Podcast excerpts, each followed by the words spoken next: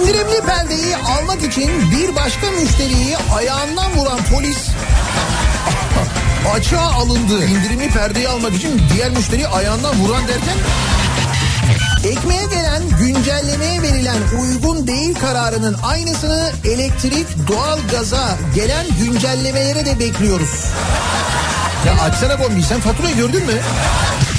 Soralım dinleyicilerimize acaba burası Türkiye dediğimiz başka neler oluyor etrafımızda diye. Daiki'nin sunduğu Nihat'la muhabbet hafta içi her sabah saat 7'den 9'a Türkiye'nin en kafa radyosunda. İş yerinde dinletir. Trafikte dinletir. Doğru hava uzmanı. Daiki'nin sunduğu Nihat'la muhabbet başlıyor. Belki durup dururken yanına gelince Söylediklerimi anlamsız buldum. Oysa vakit yoktu ama sen haklıydın. Çünkü böyle şeyler acele gelmezdi. Yalandan da olsa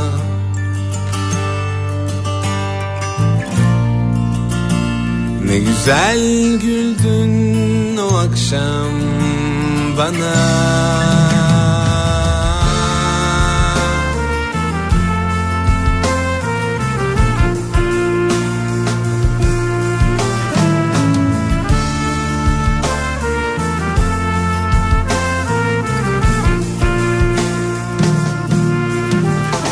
Belki tanışmak zor, iyi anlaşmak zor Peki görüşmek çok mu kolaydı? Çok kısa bir zamanda belki biraz da zorla.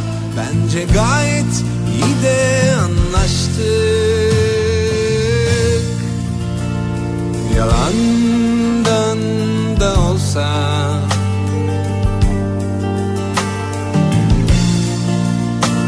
Ne güzel güldün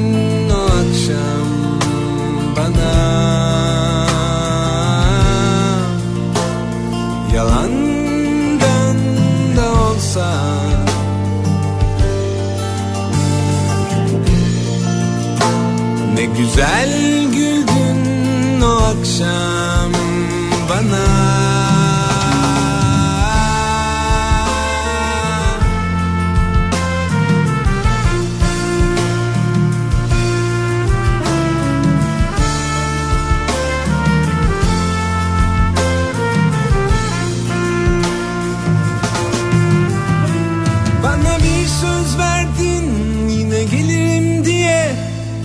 gelmesen bile ben gelirdim. Sana bir şarkı yazdım söylersin diye. Beni hiç unutmamanı istedim. Yalandan da olsa.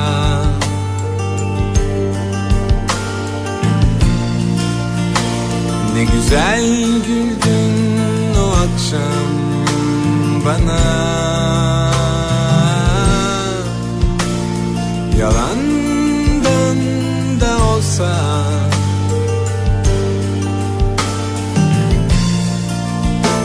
Ne güzel güldün o akşam bana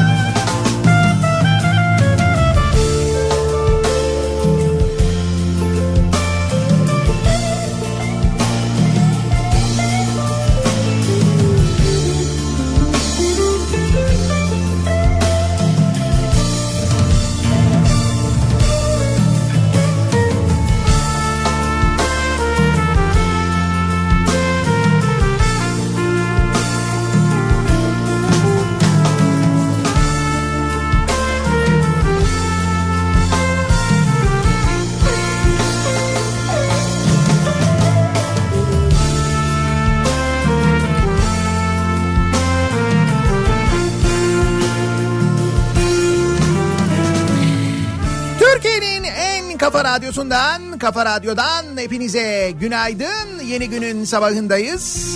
Hem yeni günün sabahı hem de yeni haftanın başlangıcındayız. Tarih 29 Temmuz.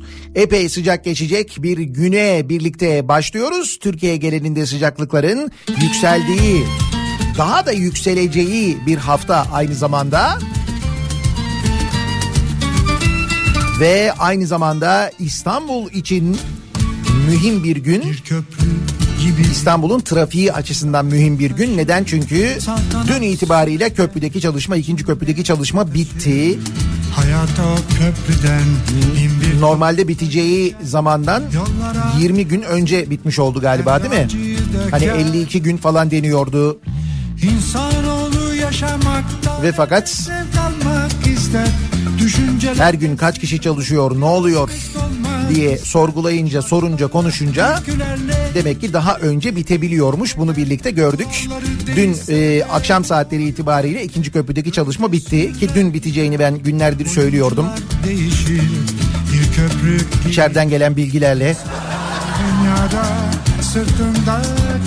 yani bayağı bakanlık bilmiyordu öyle söyleyeyim.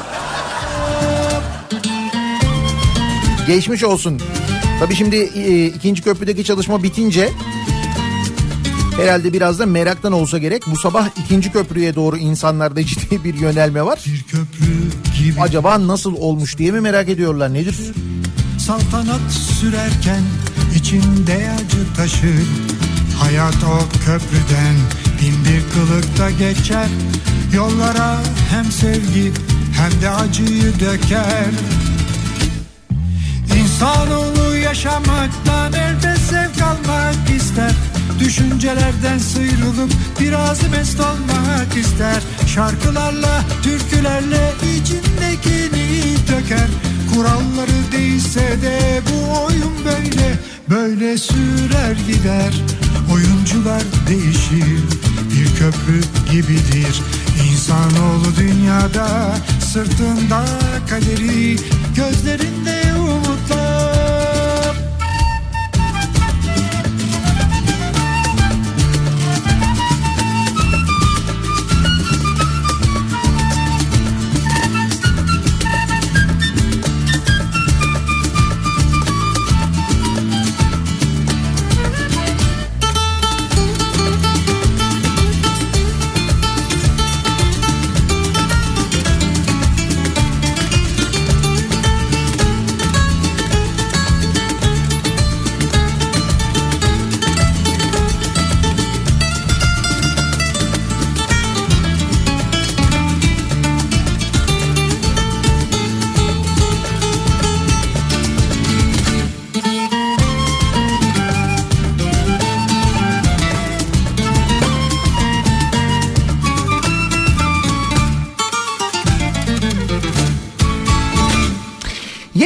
başlarken yeni sorular ya da belki de çok önceden beri zihnimizde bulunan ve kocaman bir soru işareti şeklinde beynimizde yer eden hala bir türlü cevabını bulamadığımız sorular var. Bu sorulara belki bu hafta boyunca hafta içinde yanıt bulacağız. Misal Kurban Bayramı tatilinin o sonundaki iki gün Perşembe ve Cuma günü tatil olacak mı olmayacak mı? Yani en azından kamu çalışanları idari izinli sayılacak mı sayılmayacak mı? Bir 9 günlük tatil durumuna gelinecek mi gelinmeyecek mi? Bunu henüz bilmiyoruz. Hala bu sorunun yanıtı yok. Sarmaş dolaş kollarımda olmanı bekleyemem Çünkü yoksun yoksun yoksun artık sen Ben kendime yeter oldum Çünkü çoksun çoksun 70 milyon liralık yılbaşı ikramiyesinin mesela kazananı belli mi değil mi? Bu sorunun yanıtını hala bulabilmiş değiliz. Ya da belki de bu hafta birisi arayacak yine Milli Piyango Genel Müdürlüğü'nü. Ya aslında onu ben kazandım. Bileti de evde bir yere koydum ama bulamıyorum. Ben bulunca haber vereceğim. Siz parayı hazır edin diyebilir. Bunun üzerine Milli Piyango yine çıkıp açıklama yapabilir. Evet biri kazanmış bizi aradı. Ki şu anda iki oldu biliyorsunuz o. Hani birisi e, ben işte yurt dışında çalışıyorum. Bileti eve koymuşum geldiğimde gördüm falan demişti ya. Şimdi mesela o şahıs hala ortada yok. artık sen Birisi de bilet benimdi ama çalındı diye ihbarda bulunmuş. Bir ben istemem. Çünkü çoksun çoksun çoksun artık sen. Sarmaş dolaş kollarında Olmanı bekleyemem. Çünkü yoksun yoksun yoksun Ben şöyle düşünüyorum hani bu sayısal loto çekilişlerinde, şans topu çekilişlerinde gerçekten de böyle istatistik bilimine aykırı bir şekilde sürekli aynı yerlere ikramiyelerin çıkması ve Milli Piyango'nun baya baya bizimle böyle dalga geçmesi. Bence öyle dalga geçiyorlar yani. Herhalde birisine çok dokunmuş olacak ki. Lan bunlar uzun zamandır benle dalga geçiyorlar. Milli Piyango benle dalga geçiyor. Ben de biraz onlarla dalga geçeyim diye düşünüp Yarım kalsa bile Muhtemelen bu yüzden arıyor birileri 70 milyon bana çıktı diye. Siz bir çığlık olacak Ayrılık yaşıyorsan Hadi birisi diyelim ki gerçekten böyle bir şey yapıyor. Yani dalga geçmek için arıyor. Ya da böyle şaka yapıyor. Ya da dur bakalım yerler mi falan diye düşünerek arıyor. E, koskoca Milli Piyango Genel Müdürlüğü nasıl olup da bileti görmeden bundan kesinlikle emin olmadan çıkıp açıklamalar yapıp yetmeyip bir de evet bakın da parayı hazırladık belki görürse gelir falan diye 70 milyonu böyle bir masanın üzerine dizip başına bir tane de böyle bir veznedar koyup o paraları tırır tırır tek tek sayıyor. Ben kendime yeter oldum Başka bir ben istemem Sonra diyoruz ki mini piyango niye böyle? Niye böyle acaba? Sarmaş dolaş kollarında Olmanı bekleyemem Çünkü yoksun yoksun yoksun artık sen Ben kendime yeter oldum Başka bir ben istemem Çünkü çoksun çoksun çoksun artık sen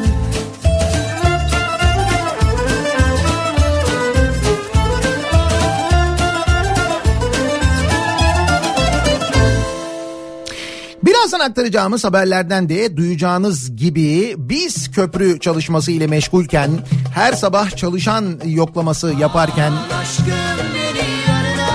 kimileri belki de bu sayede sizin de gösterdiğiniz tepkiyle ve hassasiyetle çalışmanın normalden 20 gün önce bitmesini sağlarken o sırada tabii ki Canikos'u boş durmamış. İstanbul seçimleri şöyleydi, ekonomi böyleydi dememiş. Yemiş de yemiş. Öyle böyle değil birazdan anlatacağız. böyle istenmiş Sen yaşamalısın Ayrılık beter ölümden Tanrı yazmasın Aşkımı benden kimse ayırmasın Biz dünyayı çok sevdik Ölüm bizden uzak olsun. Aşık olduk yüreklendik. Kader bizden yana dursun. Hasreti çektirme Tanrım. Gözümüz yollarda kalmasın. Ne istersen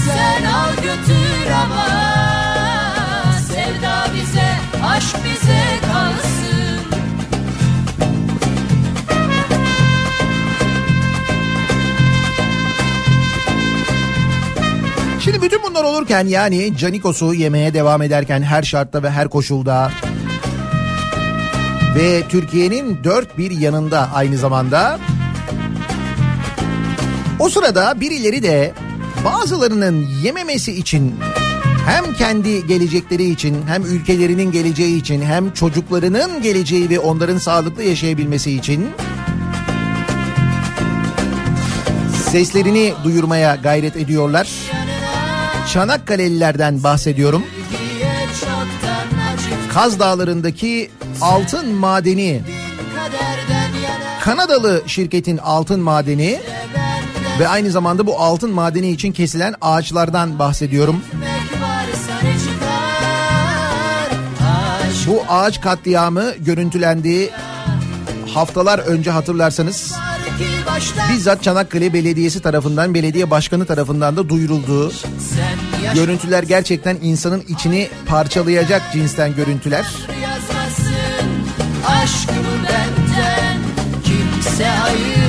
Üstelik sadece e, bir ağaç katliamından da bahsetmiyoruz. Bölgede yapılacak altın arama faaliyeti ve altın üretimi ki bu üretim sırasında siyanür de kullanılıyor. Yakındaki e, Çanakkale'nin içme suyunu karşılayan barajın da hemen yanında bulunan barajın da zarar görmesine, yeraltı sularına, yeraltı sularının kirlenmesine, dolayısıyla buradaki barajdaki suyun da aynı zamanda kirlenmesine ve Çanakkale'nin tek içme suyu kaynağının da aynı zamanda yok edilmesine sebep olacak. İşte bu nedenle insanlar diyorlar ki yapmayın. Bu da yetmedi. Bu yapmayınlara çünkü bu e, sosyal medya paylaşımlarına Tarım Bakanlığı'ndan bir yanıt geldi. Tarım ve Orman Bakanlığı Twitter hesabından bir açıklama yapmış. Demiş ki Orman Genel Müdürlüğü efendim demiş 195 bin ağaç kesildiği iddiası doğru değil. Orada kesilen ağaç 13.400. Ha iyi o zaman. Kaz Dağları'ndan 13.400 ağaç keserek altın madeni açıyoruz oraya yani. O zaman olabiliyor yani. Bir de demişler ki efendim Kaz Dağları yok ediliyor iddiası gerçeği yansıtmamaktadır. Maden sahası Kaz Dağları'na 40 kilometre uzaktadır. Nasıl? Güzel değil mi açıklama? Adamlar meseleyi hiç anlamamışlar. Hiç anlamamışlar yani. Ki bu arada çok çok uzaklara gitmeye de gerek yok. Mesela Çanakkale'den çok uzaklaşmaya gerek yok. Hemen dibinde Balıkesir'de geçmişte e, maden sahası olarak kullanılmış. Ağaçlar kesildikten sonra maden sahası olarak kullanılmış. Ve sonra kaderine terk edilip gidilmiş yerler var. Yine aynı şekilde altın madeni olarak işletilen yerler var.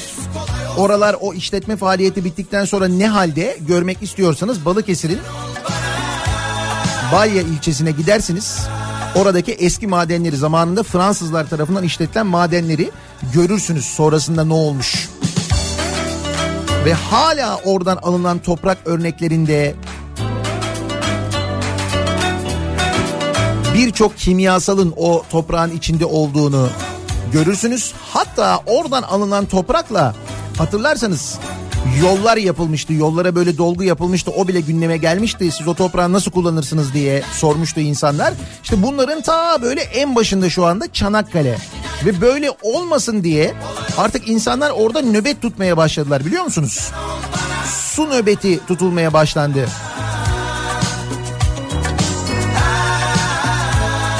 Çanakkale Belediyesi, milletvekilleri, gönüllüler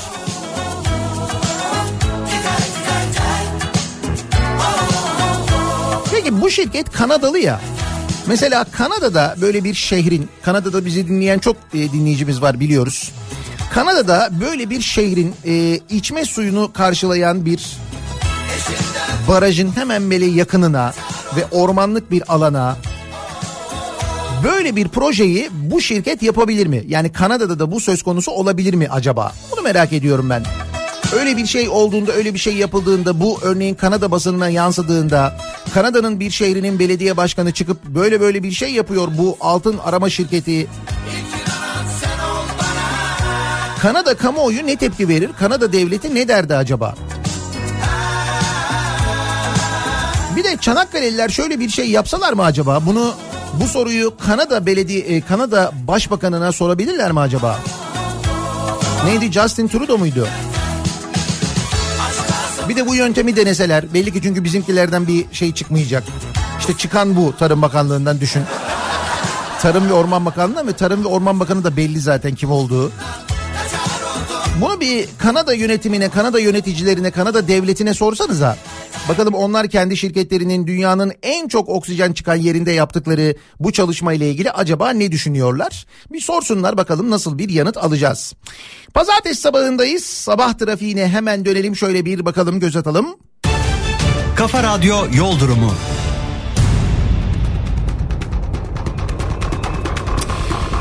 Tekrar edelim ikinci köprüdeki çalışma dün itibariyle bitti. Tüm şeritler trafiğe açık. Trafik ve akış normale döndü. Bundan haberi olanlar var olmayanlar var. Olmayanlar yine birinci köprüye yöneldiği için birinci köprüde trafik yine uzun çayır sonrasında başlıyor. Epey bir yoğunluk var ama e, Beylerbeyi tarafından ve Üsküdar tarafından o geçtiğimiz haftalar boyunca yaşadığımız yoğunluk artık yaşanmıyor. Birinci köprüde özellikle E5 üzerinde yoğunluğun fazla olduğunu görüyoruz.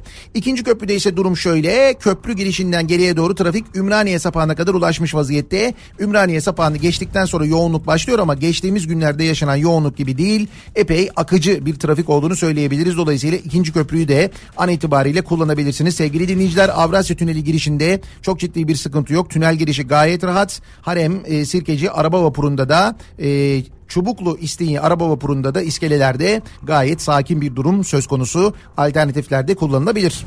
Avrupa yakasında Tem'de bir Bahçeşehir tarafında trafik epey erken başlamış vaziyette. Burada biraz tabii hem pazartesi sabahı olması, yazlıkçıların o taraftan dönüyor olmasının da etkisi var. Nitekim Bahçeşehir'den önce başlayan trafiğin şu anda Altınşehir'e kadar çok yoğun olduğunu, sonrasında Tem'de akıcı bir trafik olduğunu görüyoruz. E5'te de durum e, çok farklı değil Tem'e bakarsanız. Beylikdüzü'nden itibaren itibaren başlayan ve Küçükçekmece'ye kadar devam eden bir E5 trafiği an itibariyle mevcut. E, Küçükçekmece'ye geçtikten sonra hareketlenen trafiğin ise Şirin Evler sonrasında yeniden yoğunlaştığını görüyoruz ki burada İncilli Merter yönünde arıza yapan bir araç var. O sebeple E5'te o noktada trafik yoğunlaşmış vaziyette. Bu noktayı geçtikten sonra hareketlenen trafiğin Haliç'ten çıktıktan sonra Ok Meydanı civarında yeniden hafiften yoğunlaştığını görüyoruz. Sahil yolunda ise an itibariyle bir problem yok. Bir kaza bilgisi, bir kaza haberi de yok zaten. Ee, İstanbul'dan da diğer büyük şehirlerden de elimize ulaşan trafiği aksatacak büyüklükte. Bir ara verelim. Reklamların ardından yeniden buradayız.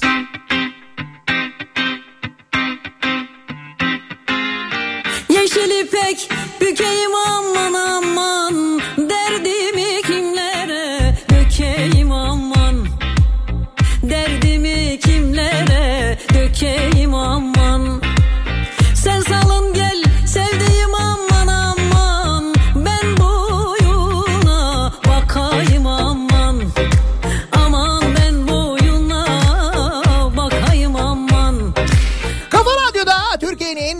en kafa radyosunda devam ediyor. Daiki'nin sunduğu Nihat'la muhabbet. Ben Nihat Sırdar'la. Ankara bugün 37 dereceyi görecekmiş. İzmir daha da yüksek. Hava bunaltıcı diyor. Ve daha da sıcak olacak diyor meteoroloji. İşte bu sıcak günlerde hepimizi serinletecek haberlerle Mesela terlik haberiyle daha doğrusu terlikli abit haberiyle başlayalım. Terlikli abit. Kimmiş terlikli abit? Terlikli abit operasyonu hatta. Hani şu bahsediyoruz ya sürekli bu telefonla dolandırıcılık yapanlardan bahsediyoruz. Kendini savcı diye polis diye tanıtanlardan bahsediyoruz. Bu mevzunun hep e, Şanlıurfa Akçakale kaynaklı olduğunu ısrarla söylüyoruz ve hakikaten de öyle olmaya devam ediyor. Ankara Emniyeti Asayiş Şube Müdürlüğü bak Ankara Emniyeti deyince bu arada seyrettiniz mi Behzat Ç'yi ya? He? Seyrettiniz mi amirimi? aman 10 numara olmuş kaldığı yerden hiç değişiklik yok. Aksine bence daha da iyi. Hem özgürlük hem internet hem de aynı anladığım kadarıyla Melih Gökçe'nin gitmesi Behzat Ç'ye epey yaramış. Çok güzel. Neyse ne diyorduk? Heh, Ankara Emniyeti kendisini emniyet müdürü olarak tanıtıp telefonla ulaştığı kişileri terör örgütleriyle korkutarak dolandıran Abit Buda takibi aldı. Şanlıurfa'dan Ankara'ya otobüsle gelen Buda adım adım takip eden polis Buda'nın İstanbul'da bir iş adamıyla, iş adamıyla bağlantı kurduğunu belirledi. Polisin takibinden habersiz olan Budak hızlı trenle Ankara'dan İstanbul'a geçti. Burada hesabınız terör örgütlerinin eline geçmiş yalanıyla korkuttuğu iş adamından 1 milyon lira alan Budak Ankara'ya dönüş için harekete geçti. O sırada iki sivil polis de Budak'ı adım adım takip ediyordu. Budak İstanbul'dan dolandırdığı kişilerden aldığı 1 milyon lirayı valizine koyarak uçakla Ankara'ya döndü. Sivil polis uçak Ankara'ya indiğinde uçak kapısında kendisini gözaltına aldı.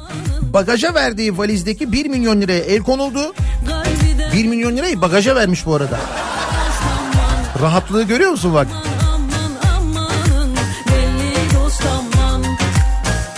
İnsanları milyonlarca lira dolandıran Budak'ın dikkat çekmemek için ayağında terlikle üstüne başına dikkat etmeden gezmesi dikkat çekti. Daha önce de tele dolandırıcılık suçundan 3 kaydı olan Budak çıkarıldığı mahkemece tutuklandı. Daha önce de 3 kere tutuklanmış. Çıkmış 4 böyle devam ediyor. Bu arada bu son dolandırıcılığın da Hakan Atilla olayından dolayı hakkınızda işlem var diyerek kandırmış iş adamını. Gündemi de takip ediyor herif.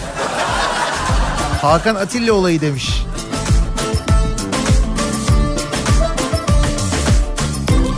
İnsanlar bu yalanlara nasıl inanıyor? O anlatılan hikayelere nasıl inanıyor falan diye düşünüyorsunuz ya. Nasıl inanır insan nasıl? İnsanlar e, bence seyrettiklerinden özellikle o kadar çok etkileniyorlar ki çünkü bir insan gerçekten böyle bir şey düşünüp aklına böyle bir dolandırıcılık gelir mi? Bak bunlar profesyonel dolandırıcı. İşte bir vakit Akçakale'de bu iş başlamış.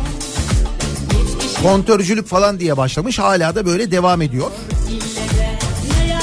Peki bunlar ne? Mesela bu dolandırıcı değil sade vatandaş bak neler oluyor insanların hayatında. Eşinin şeytani planı kocayı yaktı. İstanbul'da şoförlük yapan Yadigar Kepçe geçtiğimiz yıl polis denetiminde durduruldu. Kepçe'nin ehliyet sorgulamasında görme engelli olduğu belirlenince ehliyetine el konuldu. Demişler ki siz görme engellisiniz. Adam demiş ki ya görmüyor musunuz? Yok demiş benim öyle bir engelim. Hayır demişler görme engelli görünüyorsunuz kayıtlarda. Ehliyetine el koymuşlar adamı. Olayı çözemeyen adam evde bulduğu raporlarla şok oldu. Polisin dediği doğru çıkmıştı. Bulduğu evraklardan birinde Yadigar Kepçe'nin devlet hastanesinden verilen yüzde 90 görme engelli raporu olduğu olduğunu gördü. Yani evde bir rapor buluyor. Rapora göre yüzde 90 görme engelli. Ama görüyor. Nasıl oluyor? Kepçe savcılığa giderek şikayetçi oldu. Kendisi adına bu raporu hazırlatansa dört çocuğunun annesi NK idi. Yadigar Kepçe eşim bununla da kalmayıp ilçe belediyesine gidiyor. Eşim kanser. Büyükşehir Belediyesi'ne gidiyor. Eşim kör diyerek yardım istiyor. Her ay 1220 lira para yardımı almış demiş.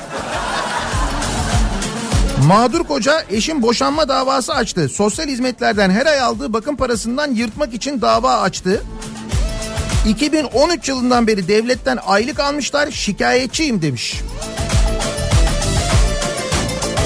Mağdur kepçe eşim ve baldızının gözlerime çamaşır suyu dökerek beni kör etmek istedi. İşin gerçek yüzünü bulduğum raporlarla anladım dedi. Gözüne çamaşır suyu dökerek derken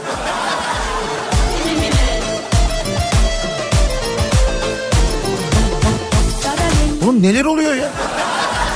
He? Yani Türk dizilerinde böyle şeyler yok biliyorsun hani bu kadar değil yani.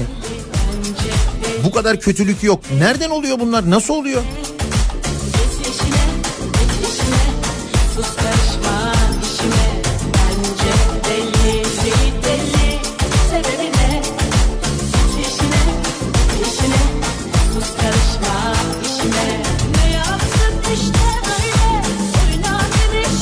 Yani bunu oturup senaryo diye yazsan derler ki çok abartılı yazmışsın bu kadar da değil artık çamaşır suyu yuh. Adam niye şey, kadın niye eşine kör göstersin falan diye abartı gelir sana. Televizyonda izlesen inanmazsın da gerçek hayatta böyle şeyler oluyor işte. Yargıda çay krizi çıkmış. Yargıda çay krizi. İyi bu yeni değil ki ya. Hatta çay bahçesi. Değil mi? Hani yüksek yargının başkanlarıyla birlikte çay toplamalar falan o mu acaba? Ha o çay krizi değil. O zaten kriz değildi canım. O malumdu yani. Malumun ilanıydı aslında.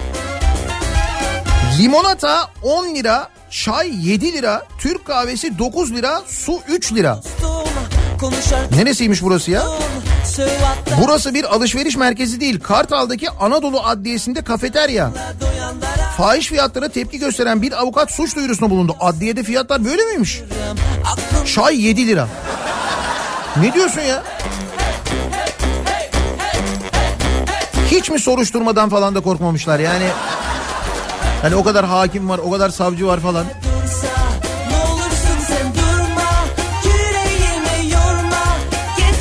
Adliye personeli yapılan zamlara tepki olarak çay içmeme kararı almış.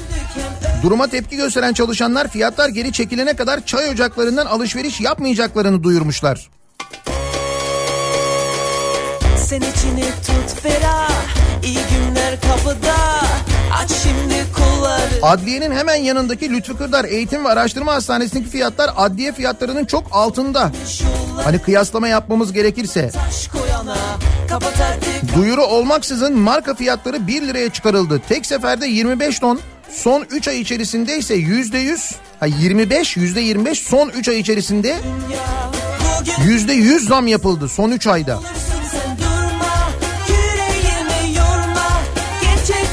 Demek ki Anadolu Adliyesi'nde bu aralar insanlar biraz gergin olabilir.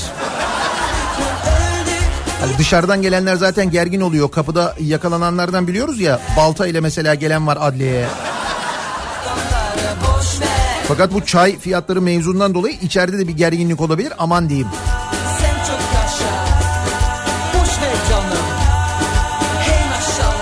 Kırdar Eğitim Araştırma Hastanesi hemen yanında Kartal Adliyesi'nin dedik ya hani oradaki fiyatlar öyle değil diye. Bir başka hastane daha doğrusu bundan sonra çok sık ismini duyacağımız hatta biz öncesinde de epey bir konuştuk.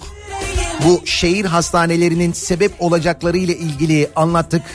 İnsanlar anlattılar yapmayın dediler etmeyin dediler. Bakın dediler Türk ekonomisini de bu şekilde batırıyorsunuz.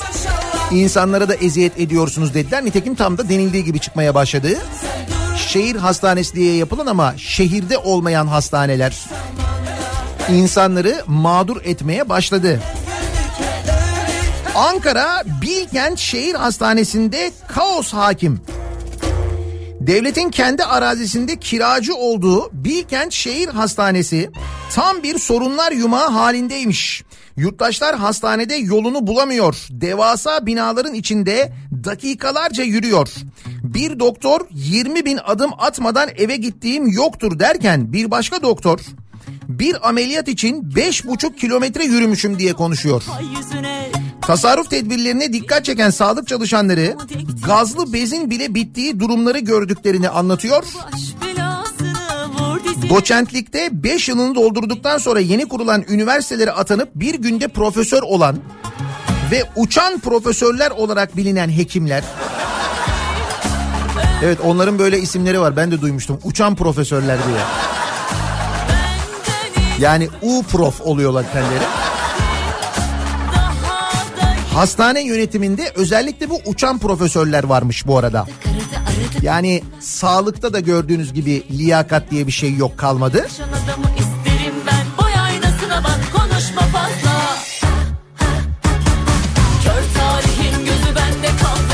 Hastane denildiği gibi en büyük. Tamam ama sorunlar da ondan aşağı kalmıyor. Gelmek de zor, tedavi olmak da zor. Örneğin nöroloji ile kardiyoloji arası bir buçuk kilometre. Aradaki ulaşımı golf arabaları sağlıyor ama sayı yetersiz. Kimse sıraya girmiyor, insanlar kavga ediyor. Bu yürüyen yollar yapmışlar, o yollar çalışmıyormuş. Ama en büyük hastane bizde. Bak en büyük yani. Ve bu Bilkent Hastanesi için yani bu kadar sorunun yaşandığı hastane için Ankara'nın içinde bulunan insanların kolayca ulaşabileceği hastaneler 13 hastane kapatılıyor. Şehir hastanesine gitsinler insanlar diye. Şimdi bunlar Ankara'dan gelen haberler. Bursa Şehir Hastanesi geçtiğimiz günlerde açıldı. Şimdi Bursa'dan haberler gelmeye başlar ki Bursa Şehir Hastanesi de Bursa'da değil. Yani Bursa'da da Gördüm şehirde değil. Biraz uzak. Ve biz bu hastanelere deli gibi para ödüyoruz. Görüntüleme garantisi vermişiz mesela. Hani hasta garantisi diye konuşuldu tartışıldı ya. Diyor ki devlet sen diyor bu hastaneyi kurdun yaptın diyor. Ben diyor sana diyor şu kadar kira ödeyeceğim her yıl diyor. Her ay diyor. O kirayı ödüyoruz bak. Niye? Çünkü adam binayı yapmış, yatırımı yapmış ya. Ya devletin asli görevi, birinci görevi aslında vatandaşının sağlığı konusunda hizmet vermek. Sen onu nasıl taşerona veriyorsun ya da nasıl böyle bir işletmeye veriyorsun? O zaten anlaşılır şey değil de.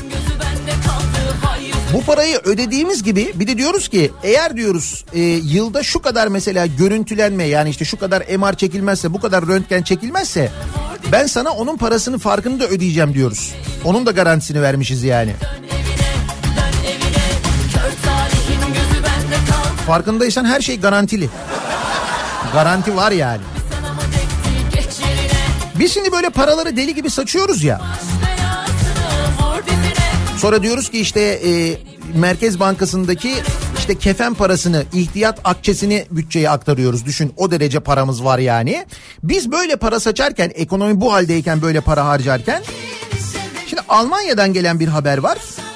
Almanya geçtiğimiz yıl 58 milyar euro bütçe fazlası vermiş. 58 milyar euro bütçe fazlası. Ve bu Almanya şimdi diyormuş ki bazı bakanlıkların bonda olması yılda 2 milyon euroluk seyahat faturası çıkartıyor. Bu bakanlıkları Berlin'e taşıyalım yılda 2 milyon euro tasarruf edelim diyormuş Almanlar. Yılda 58 milyar euro bütçe fazlası veren Almanlar. Bizi kıskanan Almanlar. Halbuki 58 milyar euro var değil mi? Lan saç parayı. Saç euroları. Hani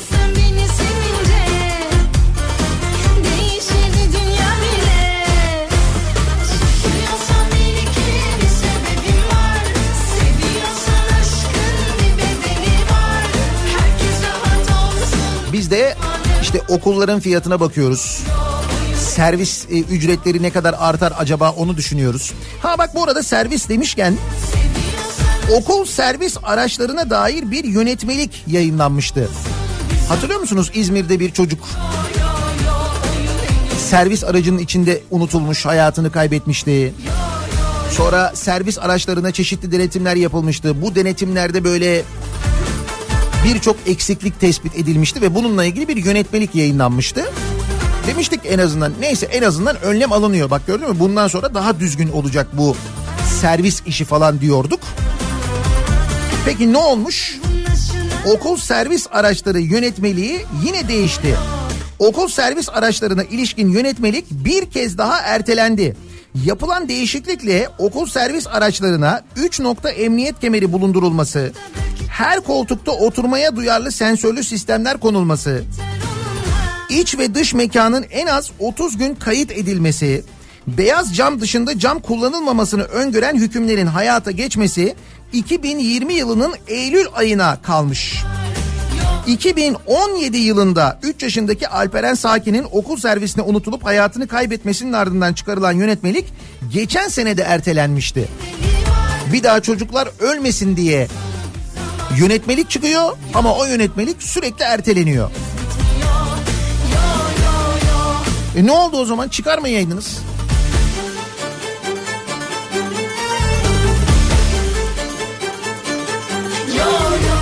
Şeyi düzeltiyor gibi yapıp işte yönetmelik yayınladık, yönetmelik çıkardık, şöyle kural koyduk, böyle kanun koyduk deyip sonra bunu böyle sürekli erteliyorlar ya.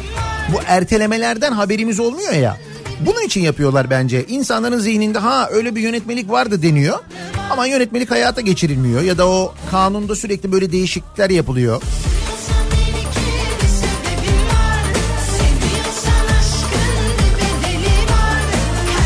Şimdi mesela sürekli ithal ediyoruz ya sürekli ithal ediyoruz sürekli ithal ediyoruz. İşte bu ithalat konuları çok konuşulmaya başlayınca bir yerli üretim hikayesi başladı. İşte denildi ki bundan sonra işte yerli üretim yazacak etiketlerde falan denildi. Fakat sonra baktık biz lan yerli üretim yazıyor. Bayağı etikette yerli üretim yazıyor. Ondan sonra şey yazıyor altında. Menşei Bangladeş. Ha bu nasıl yerli üretim? Efendim Bangladeş'ten geliyor ama burada paketleniyor. He. Yedik mi bunu? Yedik. Yine de bundan rahatsız olanlar oldu. İşte bakın onun için bu etiketlerde yeni düzenleme yapılmış sevgili dinleyiciler. Yerli üretim logosu bulunan etiketlerde ve fiyat listelerinde üretim yerinin belirtilmesi zorunluluğu kaldırıldı. Bak çözdük sorunu. Mis gibi işte.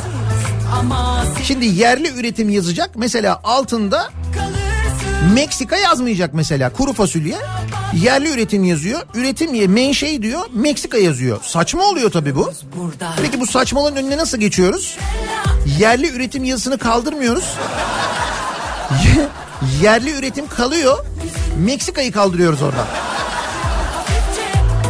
Nasıl? Dahiyane bence yani. Müthiş.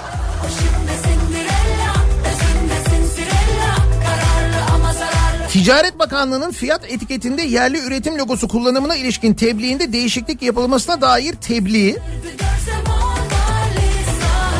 Bir dakika dur. Yerli üretim logosu kullanımına ilişkin tebliğde değişiklik yapılmasına dair tebliği. Tebliğin tebliği bu yani. Resmi gazetede yayınlanarak yürürlüğe girdi. Buna göre yerli üretim logosu bulunan etiketlerde ve fiyat listelerinde ayrıca üretim yerinin belirtilmesine ilişkin gereklilik tebliğden çıkarıldı. Mis.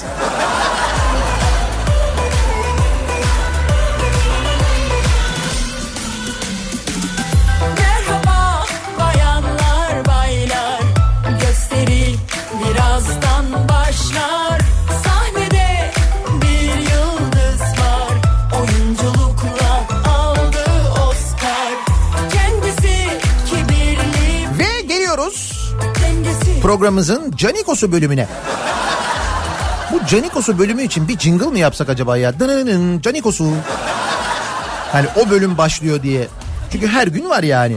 konuşuyoruz burada Tarihi bina bakanın üniversitesine verildi haberiyle başlayalım mesela. Yüzünde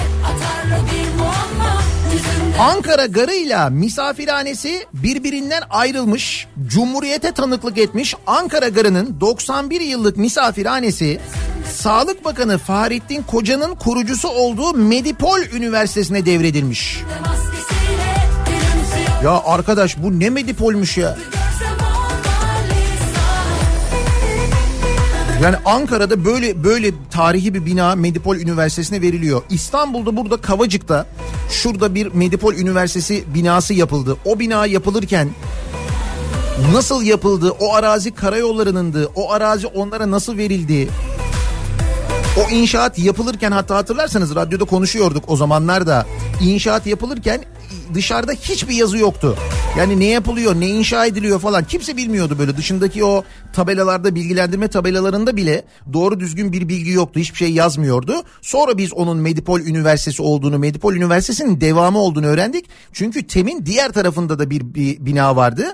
Onun karşısında bir bina daha yapıldı. İşte o arazi karayollarınındı. Karayollarından bilmem nereye geçti. Oradan üniversiteye verildi falan. Onu öğrendik sonra. Şimdi bakınız Ankara Garı Misafirhanesi 91 yıllık misafirhane Medipol Üniversitesi'ne verilmiş. Niye Medipol Üniversitesi'ne veriliyor? Madem devlete ait ya da demir yollarına ait işte kimse devlete ait neticede böyle bir bina var. Böyle bir bina üniversiteye verilecekse illa bir üniversiteye verilecekse kardeşim verilsin Ankara'daki üniversitelere. Ankara Üniversitesi'ne ver, Hacettepe'ye ver, ODTÜ'ye ver. Ki burası saçma biliyorum. ODTÜ'ye verirler mi yani? Niye Medipol? Niye yani? Peki bu yetmiş mi? Bakın bu da yetmemiş. biliyor Sevenin adresini gel benden ya 555 bin metrekare Atatürk Orman Çiftliği arazisi Medipol'e verildi haberi var ya. 555 bin metrekare. Ankara Etimeskut Erler Mahallesi'nde bulunan 555 bin metrekarelik Atatürk Orman Çiftliği arazisi Medipol'e verildi. Yerim yerim Yerim Konuyla ilgili açıklama yapan Mimarlar Odası Ankara Şube Başkanı Tezcan Karakuş Can'dan Atatürk Orman Çiftliği'ni talan eden zihniyet Cumhuriyeti talan eder artık yeter demiş. Ya hakikaten artık yetmez mi ya? Demek ki yetmiyor. Cumhuriyete açılan kapı Ankara Gar yerleşkesini parçalayarak Medipol Hastanesi'ne veriyorlar. Aynı şekilde ağaçlandırılacak alan olarak belirlenen Bilkent Şehir Hastanesi'ne 3 kilometre mesafede olan Atatürk Orman Çiftliği arazisinden 555 bin metrekareyi de TEBA Vakfı'na yani Medipol'e yani Sağlık Bakanı'na veriyorlar. Türkiye bugüne kadar böylesini görmedi demiş. utanmaz Bu arada bu Medipol'ün kurucusu şu anda Sağlık Bakanı aynı zamanda biliyorsunuz değil mi? Ah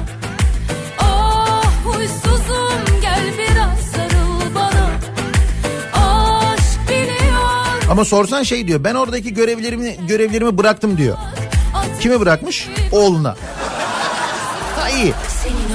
Bıraktıysa görevleri hiç ilişkisi yoktur. Hiç böyle bir şey yapmıyordur yani müdahil olmuyordur yani değil mi? Kesin.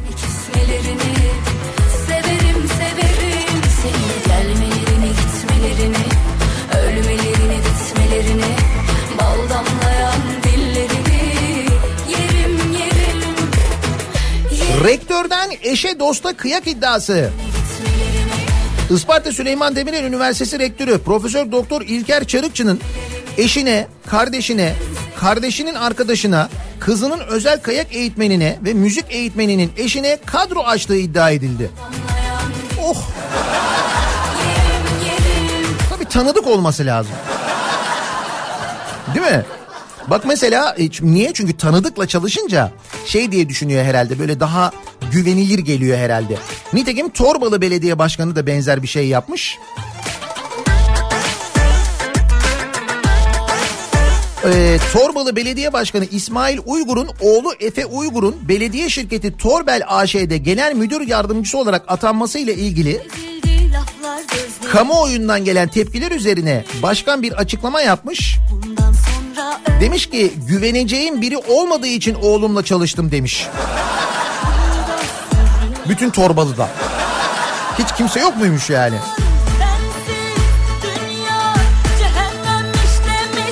Neyse neticede gelen tepkiler üzerine bu görevlendirme bitmiş. Gelen tepkiler üzerine başkan oğlunu görevden aldı diyor. Burası CHP'li Torbalı Belediyesi'nde yaşanıyor bu olay yani. AKP'li Kahta Belediyesi eski başkan belediyeye ait parkları 22 bin liraya kiraya vermiş. Sonra da kiracının 165 bin liralık elektrik faturasını ödemiş. Ne şanslı kiracıymış ya. Güzelmiş değil mi?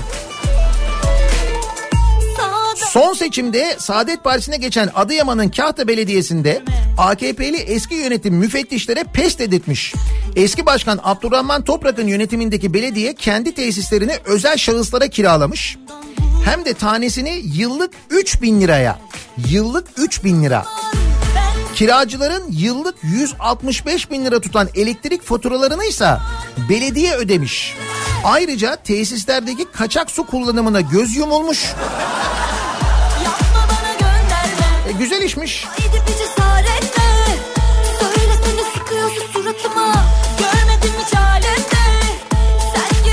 Ömrümde İzliyorum Devlete 6.1 milyar liralık borcu olan Kocaeli Belediyesi. 6.1 milyar lira mı? Bu yıl gezi ve kültürel etkinlikler için 10 milyon lira harcayacakmış. Canım 10 milyon nedir ya? 6.1 milyar borcum varsa 10, mil- 10 milyon nedir yani değil mi? Ama hani böyle bir tasarruf masarruf falan yok yani.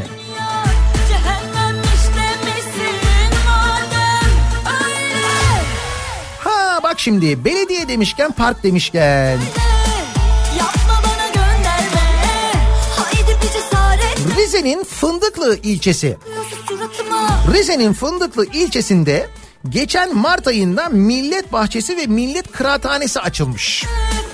Sonra belediye başkanı olmuş. Fındıklı Belediyesi CHP'ye geçmiş ve Fındıklı Belediye Başkanı CHP'li Ercüment Çervatoğlu Millet Bahçesi'nin adını Atatürk Parkı İçindeki Millet Kıraathanesi'nin adını da Kazım Koyuncu Kültür ve Sanat Evi olarak değiştirmiş.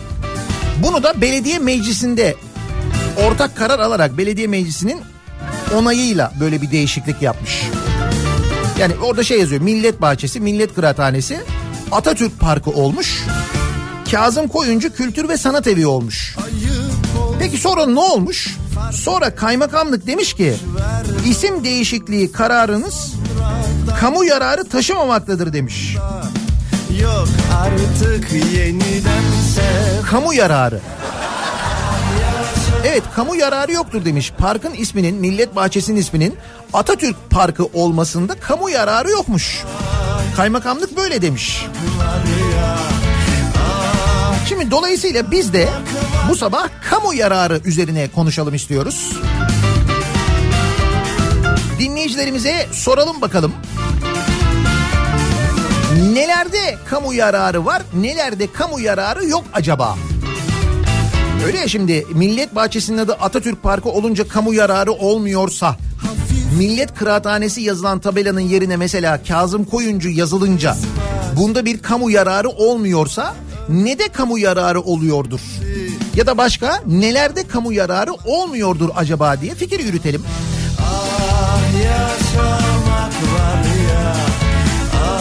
Konu başlığımızı da kamu yararı olarak belirleyelim bu sabah olur mu? Kamu yararı.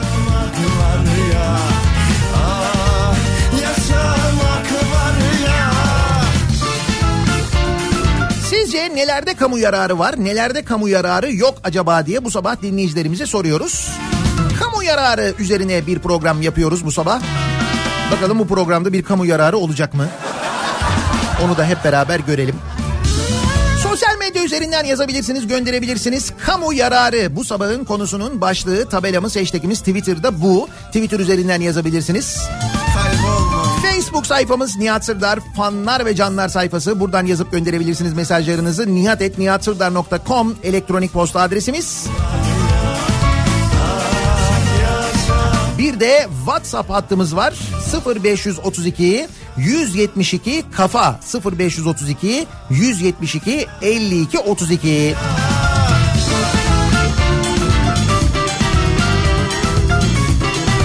Kamu yararı bu sabahın konusu. Bakalım nelerde kamu yararı var, nelerde kamu yararı yok. Bir reklam arası verelim. Reklamların ardından yeniden buradayız.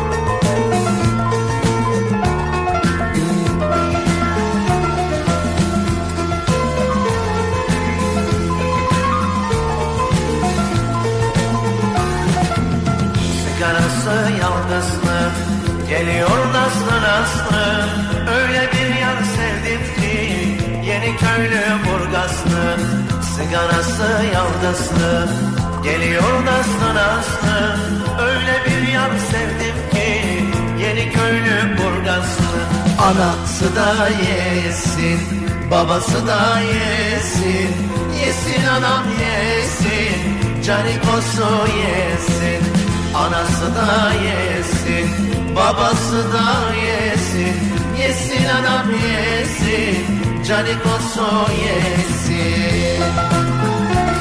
Kafa Radyo'da Türkiye'nin en kafa radyosunda devam ediyor. Day 2'nin sunduğu Nihat'la muhabbet. Ben Nihat Sırdar'la. Az önceki Medipol haberlerinden sonra işte Ankara Garı'nın misafirhanesi Medipol'e verilmiş. Atatürk Orman Çiftliği'nde 550 bin metrekare kendilerine verilmiş. E Kavacık zaten malum. Doğal olarak bu şarkıyı çalmamız gerekti. Bir de bu şarkıyı çalmamızda kamu yararı vardır bence. Var mıdır Canikos'un kamu yararı? Vardır. Anası da yesin, babası da yesin, yesin anam yesin, canikosu yesin. Anası da yesin, babası da yesin, yesin anam yesin, canikosu yesin.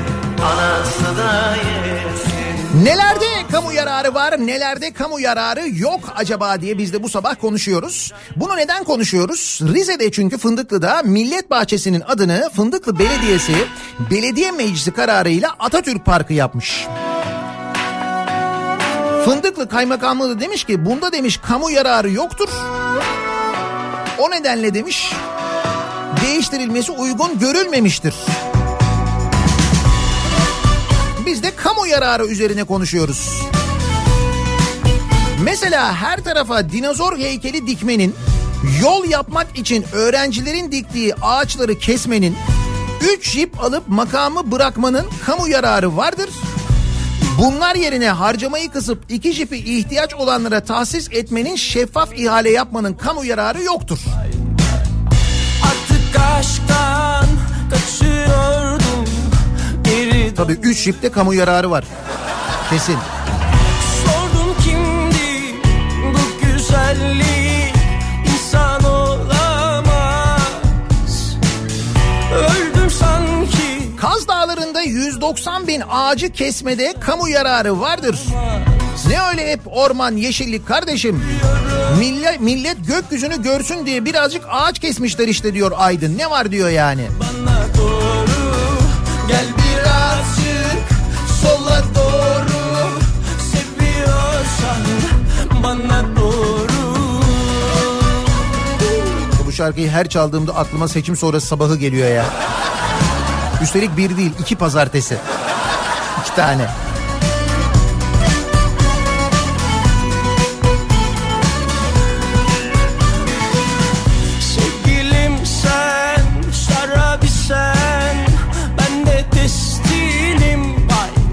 Bu Kaz Dağları'nı korumayla ilgili verilen önerge meclise bu meclis kapanmadan önce tatile gitmeden önce bu konuyla ilgili önerge verilmiş Kaz Dağları ile ilgili.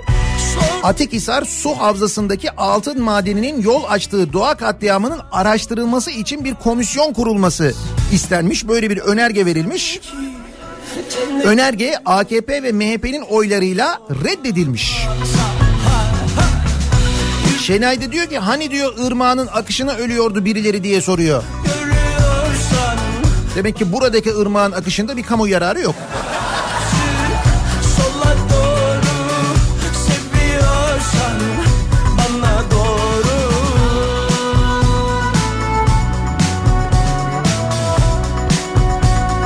Bu güzelliğe kıymamak asıl kamu yararıdır.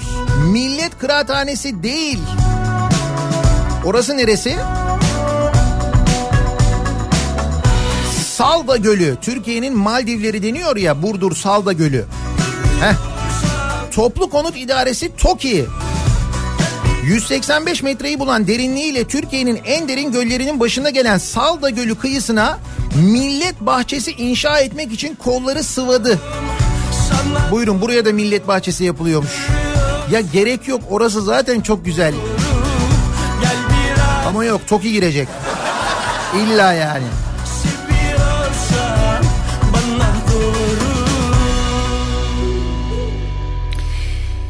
Hmm, bakalım kamu yararı dediğin Nihat Sırdar'ın Canikos'u şarkısı çalmasıdır. Demin söyledim ben Canikos'un da kesinlikle kamu yararı vardır.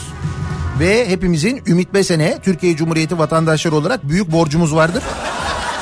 Asla ödenmez. O yüzden bir yerde böyle bir programda falan Ümit Besen'i görürseniz kendisini bolca alkışlayınız, takdir ediniz, sevgi gösteriniz. Bir de istek yapınız Canikos'unu çalsın. Ki çalıyormuş her programında biliyorum onu söylüyormuş yani. Allah aşkına yine başlama Deli deli gönlüme seni beni koymak zor Bir ileri iki geri gider Ötesi de berisi de yansın boş koy Kaz Dağları'nda altın aramanın hiçbir kamu yararı yoktur.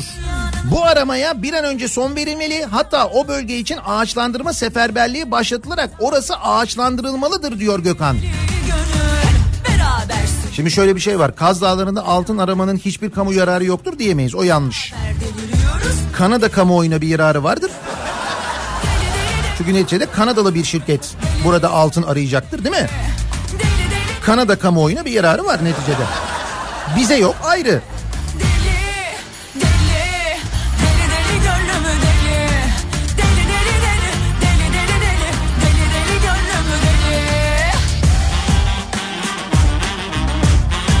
Neyin kamu yararına neyin zararına olduğunu bilmem ama resmen kamuyu yardılar. İşsizlik oranı Cumhuriyet tarihinin en yüksek seviyesinde. Asgari ücret yoksulluk sınırının altında diyor Mehmet. Şimdi Mehmetciğim bu verdiğin bilgilerde bir kamu yararı yok. Kamuyu üzüyor. Hatta bence madem kamu yararı yok, madem kamuoyu mesela sürekli bu işsizlik oranlarını duyduğunda üzülüyor. Bu işsizlik oranları açıklanmasa olmaz mı? E kamu yararı yok. Hep beraber sıyırıyoruz Hep beraber kayırıyoruz Hep beraber deliriyoruz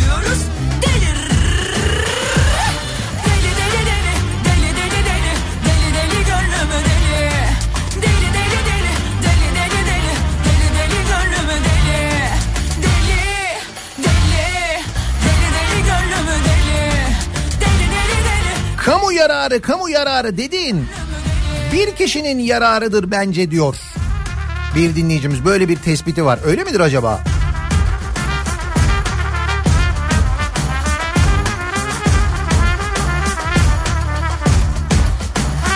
Nihat Bey Fındıklı'da alınan o kararda kaymakamın imzası yok yardımcısının imzası var diye bir bilgi geldi şimdi. Kaymakamın haberi mi yok yani öyle mi acaba? Sorar bugün gazeteciler Fındıklı kaymakamına ne diyorsunuz bu konuyla ilgili diye. Nasıl bir kamu yararı olmadığını da açıklarlar değil mi en azından?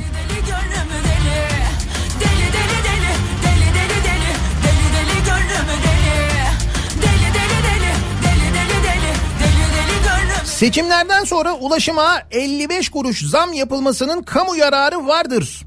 Daha az gezeriz böylelikle Bursa'da diyor bir dinleyicimiz. Bursa'da seçimlerden hemen sonra toplu ulaşıma yapılan zammı kastediyor. Bu arada Bursa ile ilgili de bir haber var. Hani bu başkanın e, huzur hakkı vardı ya. Belediye 10 belediye şirketinin yönetim kurulu başkanı olduğu yazılıyordu ya.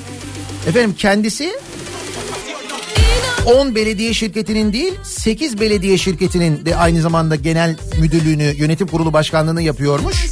Şirketlerde huzur hakkı da 1000 lira olarak belirlenmiş. Dolayısıyla 8 şirketten 8 bin lira alıyormuş kendisi. Bursalıların bilgisine. 8 ayrı şirketten 8 huzur hakkı olarak toplam 8 bin lira alıyormuş. Niye o şirketlerin hepsinin başında kendisi varmış onunla ilgili bir açıklama yok. Gerek yok. Kendisinin İnegöl'de yaptıklarından nasıl bir vizyon sahibi olduğunu bildiğimiz için.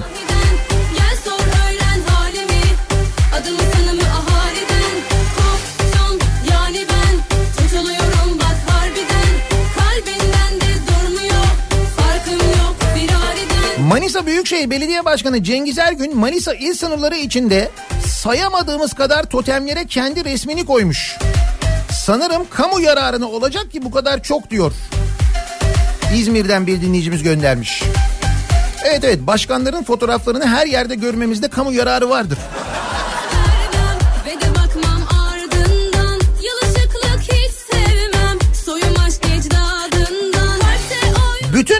Belediyelerin jet ski almalarında üstün kamu yararı görüyorum. Katılıyorum. Özellikle Ramazan ayı gelmeden tüm belediyeler en azından birer tane jet ski alırlarsa ve Ramazan şenliklerinde kullanırlarsa bu aletleri bence çok iyi olur.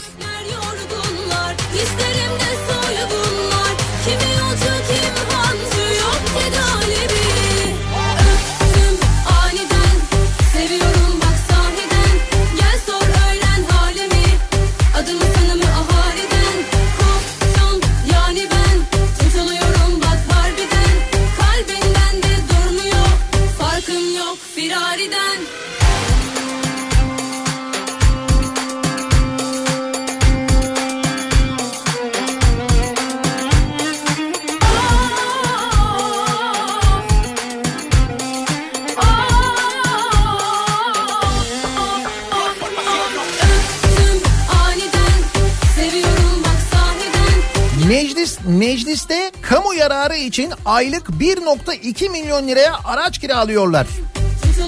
Sonuçta kiralama şirketi de halktan biri. Yani o da kamu sayılır değil mi?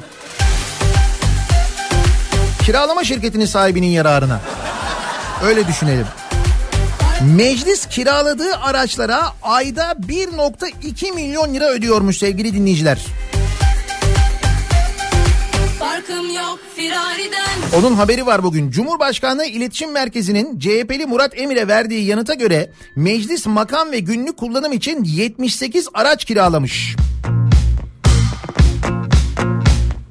27. dönemde meclise makam hizmetlerinde kullanılmak üzere 66 adet lüks araç kiralanmış. Bunun için aylık kira bedeli olarak 1 milyon 187 bin 200 lira ödenmiş. Günlük hizmetler için de aylık 54 bin liraya 12 araç kiralanmış. CHP'li vekilin ne kadar akaryakıt tüketildi sorusuysa yanıtsız bırakılmış. 4 yıl öncenin tüketim bilgileri verilmiş. Emir akaryakıt zamlarıyla rakam arttığı için masrafı gizliyorlar demiş. Bu Burası da Türkiye Büyük Millet Meclisi ve Türkiye Büyük Millet Meclisi'ndeki kamu yararı. bulsam öyle tamam Kendi kendimle de mutluysam Bir aşkla bin defa avunamam. Bela mısın dünya? Her şeyimi alsan da Ben buradayım. KDV, ÖTV, MTV, TRT payı, yap işlet devret, long serisi, uçak filosu. Bunlar hep kamu yararı işte diyor Zafer. Evet güzel bir özet olmuş. Bunların hepsi kamu yararına.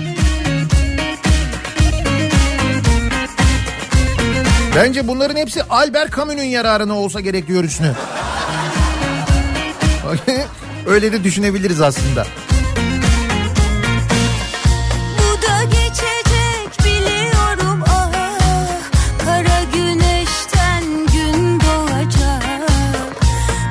Löp ette kamu yararı vardır. Ha Löp et Atakum Belediyesi. Hemen hatırladım. Samsun Atakum Belediyesi'nde bir önceki belediye yönetimi löp et almıştı değil mi? 37,5 ton. Sonra ne olmuştu o löp et belli değil yalnız et kayıp. Fakat şöyle olmuş bu 37,5 ton löp et için şimdi belediyeye yani yeni yönetime e, haciz gelmiş. Bela mısın dünya her alsan da Ben buradayım bil ki iki elim yakanda Bela mısın dünya neşemizi çalsan da Biz buradayız bil ki düşmüyoruz yakandan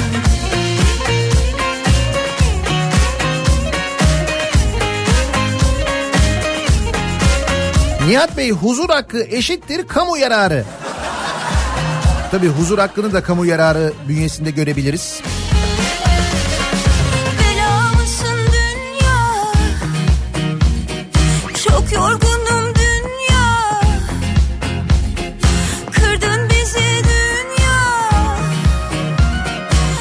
Meclisin sürekli tatile girmesinde de kamu yararı vardır diyor Gökhan.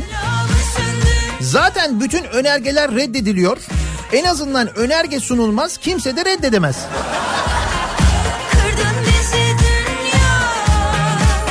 Biliyorsunuz meclis tatile girdi. Ekim'e kadar tatilde.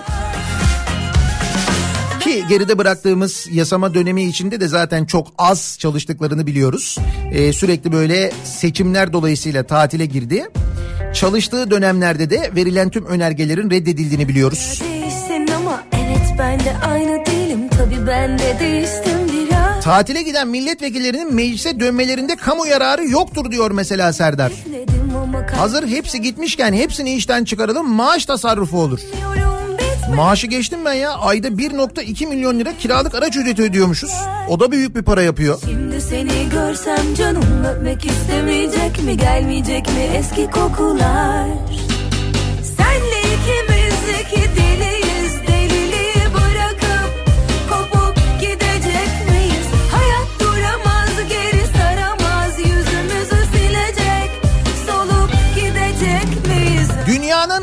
temiz su kaynaklarının olduğu Munzur Dağları'nın tamamının maden sahası ilan edildiği açıklandı. Munzur Dağları maden sahası ilan edilmiş. Nasıl? Kamu yararı var mıdır? Kesin vardır. Bazı kamuların yararı vardır ama tabii. Anlatsana nasıldı bizden sonraki hayatın Güzel geçirdin mi yılları Düşünsene birbirimizle yaşayabilirdik. Ondan sonra hep olanları İnanmıyorum bitmedi bitmeyecek hiçbir zaman. Bizim gibi bitmeyen aşklar. Şimdi seni görsem canım öpmek istemeyecek mi Gelmeyecek mi eski kokular? Senle ikimiz iki deliyiz Deliliği bırakıp Araçları kimin kullandığını öğrendiniz. Yakıt masrafını öğrenmenizde kamu yararı yok ki niye merak ediyorsunuz? Şu meclisteki arabaları söylüyorsunuz değil mi? Şimdi o arabaların ne kadar yakıt tükettiğini öğrenmenizde bence de kamu yararı yok. Gerek yok yani. Bir de ona üzüleceksin. Sen zaten kendi aldığın yakıta, yakıtın pahalı olmasına, yakıta ödediğin vergiye bu kadar üzülüyorsun. Bir de ayrıca niye mecliste, ki meclisin kiraladığı arabaların ne kadar yakıt harcadığını öğrenesin? Ona da üzüleceksin. Sen üzülme diye. Onun için söylemiyorlar yani.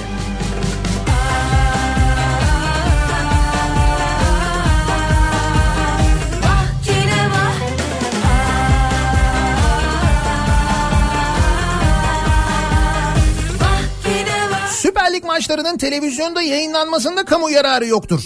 Kulüpler parasız kalınca yola yürümeye mecali olmayan adamları yıldız futbolcu diye bizlere kakalamaz en azından. Ki böyle giderse zaten o maçları televizyonda izleyemeyecekmişiz gibi görünüyor. Oldum unuttum sevdiğimi diyen mi var Futbolda kaos kapıya dayandı. Naklen yayın krizi büyüyor. Sözleşme sözleşme yapmak istediği, sözleşmede yapmak istediği iyileştirmeler Futbol Federasyonu ve Kulüpler Birliği tarafından reddedilen yayıncı kuruluş 8 Temmuz'da ödemesi gereken 125 milyon euroyu ödememiş. Federasyon, kulüpler ve yayıncı kuruluş bu hafta son kez bir araya gelecekmiş. Toplantıdan bir yıllığına da olsa anlaşmanın devamı yönünde karar çıkması bekleniyormuş. Yani maçların televizyondan yayınlanıp yayınlanmayacağı belli değil şu anda. Öyle diyorlar. çiğ tanem Seni boş yere üzmüşüm sonradan anladım Bir tanem seni özleye özleye kalbimi avuttum çiğ tanem Seni söyleye söyleye kendimi unuttum sor beni bul Bir tanem gönül. Sana köle kul bir tanem beni. Sor beni bul bir tanem gönül. Sana köle kul seni yar diye koynuma aldığımdan beri korkardım gideceğinden yar nerede hani yar nerede diye düşer oldum pencerelerden. Seni yar diye koynuma aldığımdan beri korkardım Milletvekillerinin 5 ay tatil yapmasında kamu yararı vardır demiş mesela bir dinleyicimiz. Bu sebepten sen gece gel ya da bu gece gel. Ya bu gece gel ya da bu gece gel. Ya bu gece gel ya da bu gece gel Ya bu gece gel ya da gelir ecel Ya bu gece gel Ne istediler de ver ne istedilerse vermek de vermekte kamu yararı vardır. Ya bu gece gel ya da gelir ecel Arkadaş şimdi bu D'leri dağları öyle zamanlarda ayrı yazıyorsunuz öyle zamanlarda ayrı yazmıyorsunuz ki. O cümlenin anlamını da tamamen değiştiriyor işte bak gördün mü? Ne istedilerse vermekte kamu yararı vardır. Burada ayrı yazılmıyor. Ne istedilerse verilenler kamusallaşıp kamunun imkanlarıyla kamuyu bombalayınca kamu yararı yoktur. Verilenler kadar verenlerin de hukuk önüne çıkarılmasında muhakkak kamu yararı vardır diyor dinleyicimiz. Biraz karışık gibi görünse de aslında son 10 yılı 15 yılı özetleyen bir mesaj olmuş. göklere Sığmıyor aşkım bir tanem beni Sor beni bir tanem gönül. Sana köle kul bir tanem beni. Sor beni bul bir tanem gönül. Belki de bunlar Canikos'una kendi aralarında kamu diyorlar. Koynuma aldığımdan beri Kim bilir belki de öyle yani. Şimdi yar nerede hani yar nerede diye Okul servise yönetmeliğinin 2020 yılına ötelenmesinde kamu yararı vardır. Evet o yönetmelik yine e, ertelenmiş. Bu servislerde alınacak önlemlerle ilgili yönetmelik bir kez daha ertelenmiş. Ya bu gece gel ya da bu gece gel Ya bu gece gel ya da bu gece gel Ya bu gece gel ya da gelir ecel Ya bu gece gel ya da bu gece gel Ya bu gece gel ya da bu gece Rize'nin Fındıklı ilçesinde Millet Bahçesi'nin adı belediye meclisi kararıyla Atatürk Parkı olarak değiştirilmiş. Fındıklı Kaymakamlığı da demiş ki bu işlemde kamu yararı yoktur demiş ve kabul etmemiş. Biz de kamu yararı nelerde vardır nelerde yoktur diye konuşuyoruz bu sabah. Kamu yararı konu başlığımız aynı zamanda reklamlardan sonra yeniden buradayız. Kafa Radyo Yol Durumu.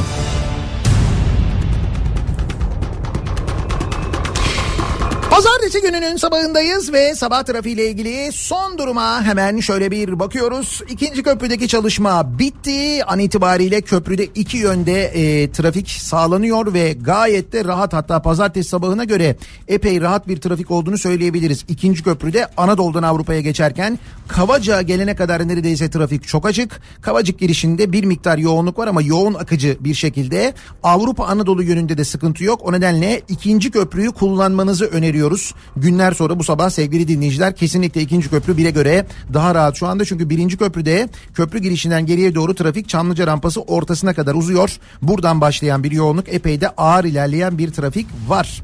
Yine Anadolu yakasında tünel girişinde bir sıkıntı olmadığını Avrasya Tüneli girişinin çok rahat olduğunu görüyoruz. Ee, Ümraniye tarafında yaşanan bir yoğunluk olduğunu köprü yönünde birinci köprü yönünde bu yoğunluğun sürdüğünü söyleyebiliriz. Tepe üstü civarında epey bir yoğunluk var. Bir de Tem'de Sancaktepe civarında başlayan ve Ataşehir'e kadar devam eden bir yoğunluk olduğunu görüyoruz o istikamette. Avrupa yakasında Tem'de e, şu anda Bahçeşehir'den önce başlayan trafik yoğunluğu hala sürüyor. Bu yoğunluk Altınşehir'e kadar hatta Halkalı'ya kadar neredeyse devam ediyor. Burada Altınşehir Halkalı yönünde bir araç arızası var.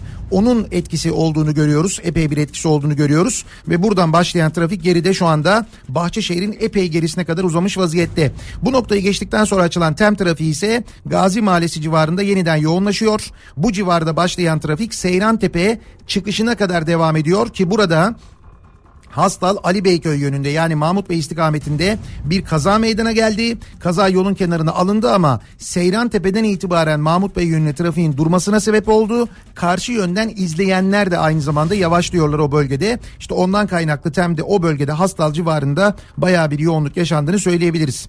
E5'i kullanacak olanlar içinse ki Tem'deki yoğunluktan dolayı E5'e çok ciddi bir yüklenme var.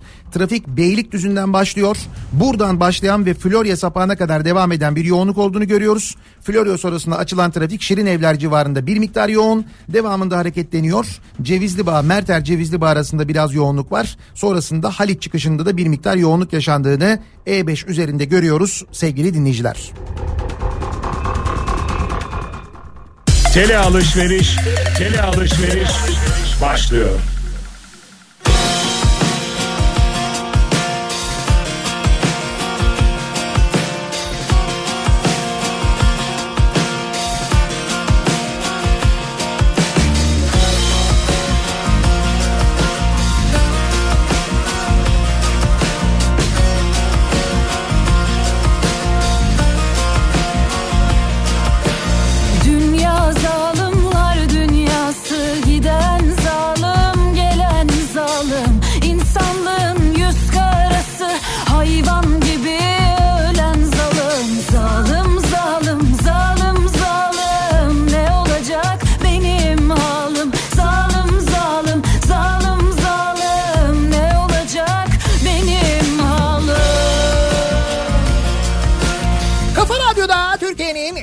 Kafa radyosunda devam ediyor. Daiki'nin sunduğu Nihat'la muhabbet. Ben Nihat Sırdar'la. 29 Temmuz Pazartesi gününün sabahındayız. Baştan başa yersiz Kamu yararı üzerine konuşuyoruz bu sabah dinleyicilerimize soruyoruz. Nelerde kamu yararı var, nelerde kamu yararı yok acaba diye. Rize Fındıklı'daki Millet Bahçesi'nin adı belediye meclisi kararıyla Atatürk Parkı yapılmış. Fındıklı Kaymakamlığı bu değişikliği kamu yararını bulmamış.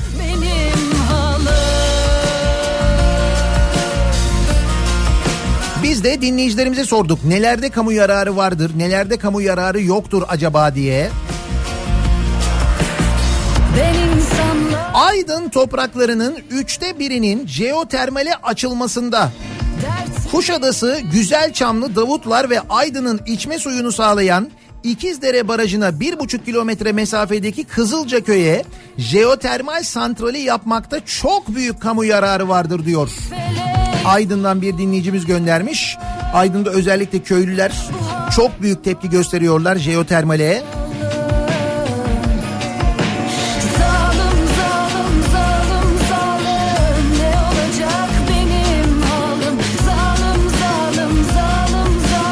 30 Ağustos'ta otobüslerin ücretsiz olmasında kamu yararı yoktur. Ama belediyedeki her iştirakin başına müdür olmakta kamu yararı vardır. Bursa mı yoksa? Evet evet Bursa.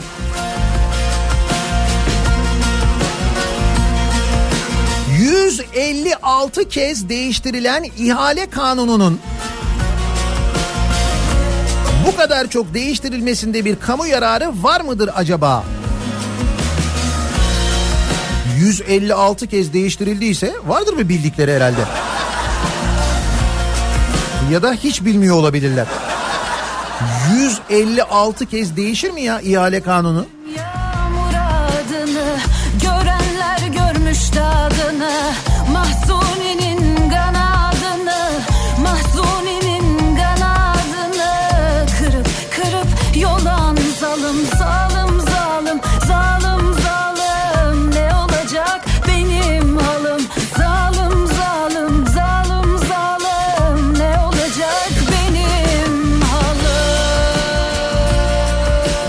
Haziran seçimi öncesinde Ramazan bayramı tatilini uzatmakta kamu yararı vardır. Ama Kurban Bayramı'nda yoktur. Sonuçta Kurban Bayramı Norveç'te kutlanıyor diyor Mustafa. Değil mi?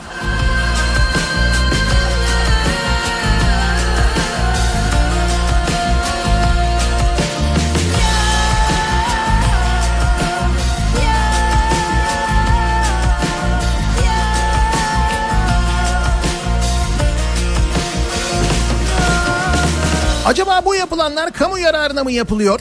Yıldız Teknik Üniversitesi'nin Beşiktaş kampüsü yavaş yavaş her sene bölüm bölüm departman departman Davutpaşa kampüsüne taşınıyor.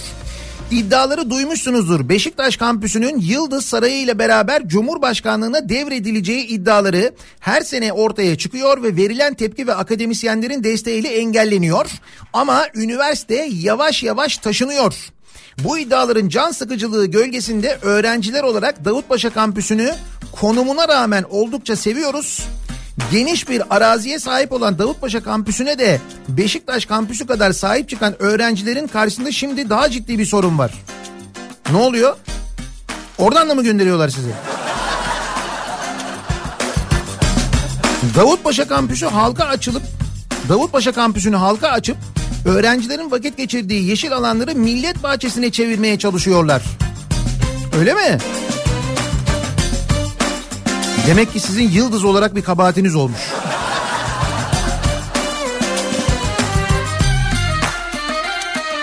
Rektörünüz bu duruma ne diyor?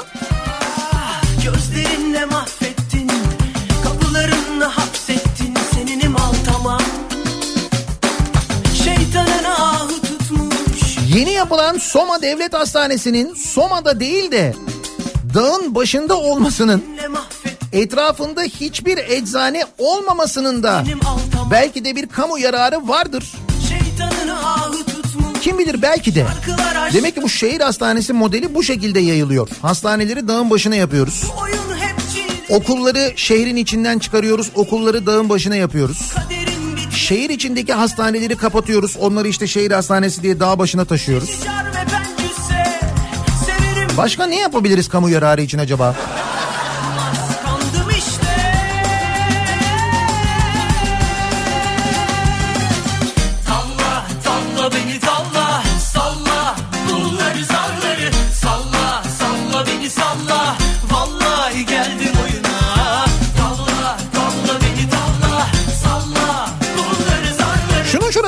Bayram'a çok az bir zaman kaldı. Hala daha bayram tatili ne kadar olacak, kaç gün olacak belli değil. Bununla ilgili bir karar açıklanmadı, bir açıklama yapılmadı. O nedenle seyahat planları yapılırken tabii insanlar bir tereddütte kalıyorlar. Bir de tabii yaklaşan bayram öncesinde işte tatile gidelim, memlekete gidelim, akrabaları ziyaret edelim, evde bir takım değişiklikler yapalım, bir bayram temizliği olsun, bir şey olsun dedikçe kimi bayram masrafları çıkıyor değil mi? Heh. İşte o masrafları nasıl karşılayabiliriz? Bayram masrafları için avantajlı bir kredi var. Ondan bahsedeceğiz kısaca. Bayram masraflarını düşünenler için QNB Finans Bank'tan çok avantajlı bir kredi var. Günde 15 liradan başlayan taksitlerle 15 bin lira ihtiyaç kredisi alabiliyorsunuz. Üstelik krediyi şimdi alıyor ödemeye 3 ay sonra başlıyorsunuz.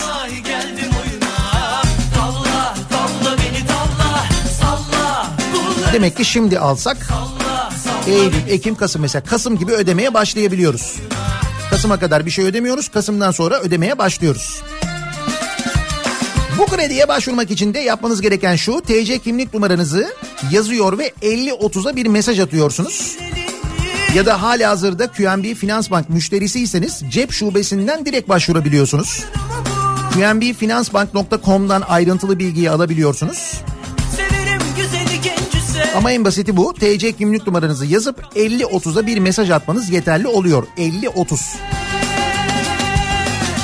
Tavla tavla beni tavla Salla bunları zarları Salla salla beni salla Vallahi geldim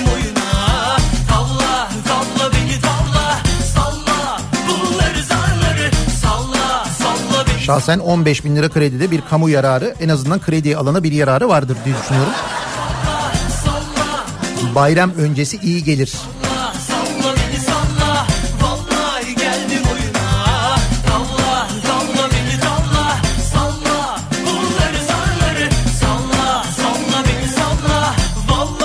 Bu Erbaa'daki 91 bin liralık yemek faturasında faturasından kamu faydalanmış mıdır acaba diye düşünmeden edemiyor insan. Köfte miydi o 91 bin liralık Erbaa'daki?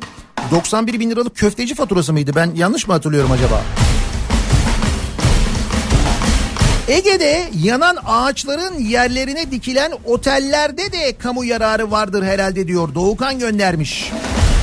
Değil mi? Dönemin Orman Bakanı'nın mesela buralar kesinlikle ağaçlandırılacak dediği ancak ağaçlandırmak yerine otellendirilen bölgeler.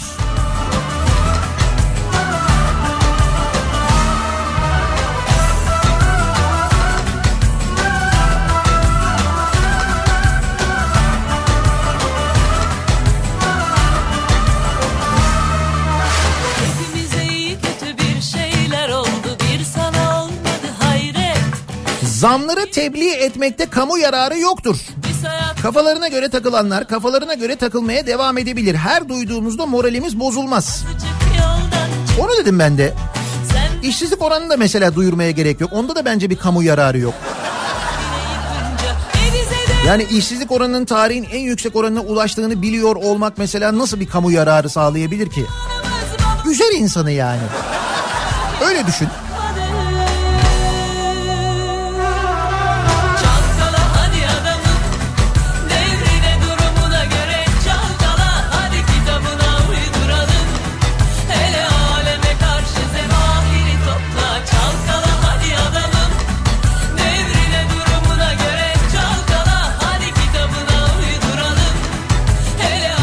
Hasta olunuz. Hasta olmanız kamu yararınıdır. O kadar çok garanti verdik ki. Siz hasta olmazsanız garanti verdiğimiz parayı biz sağlıkçılara döner sermaye vermeyerek ödüyorlar. İleride size de küçük sürprizler yapacaklar. Ha bir de bu şehir hastanelerinde döner sermaye durumu var değil mi?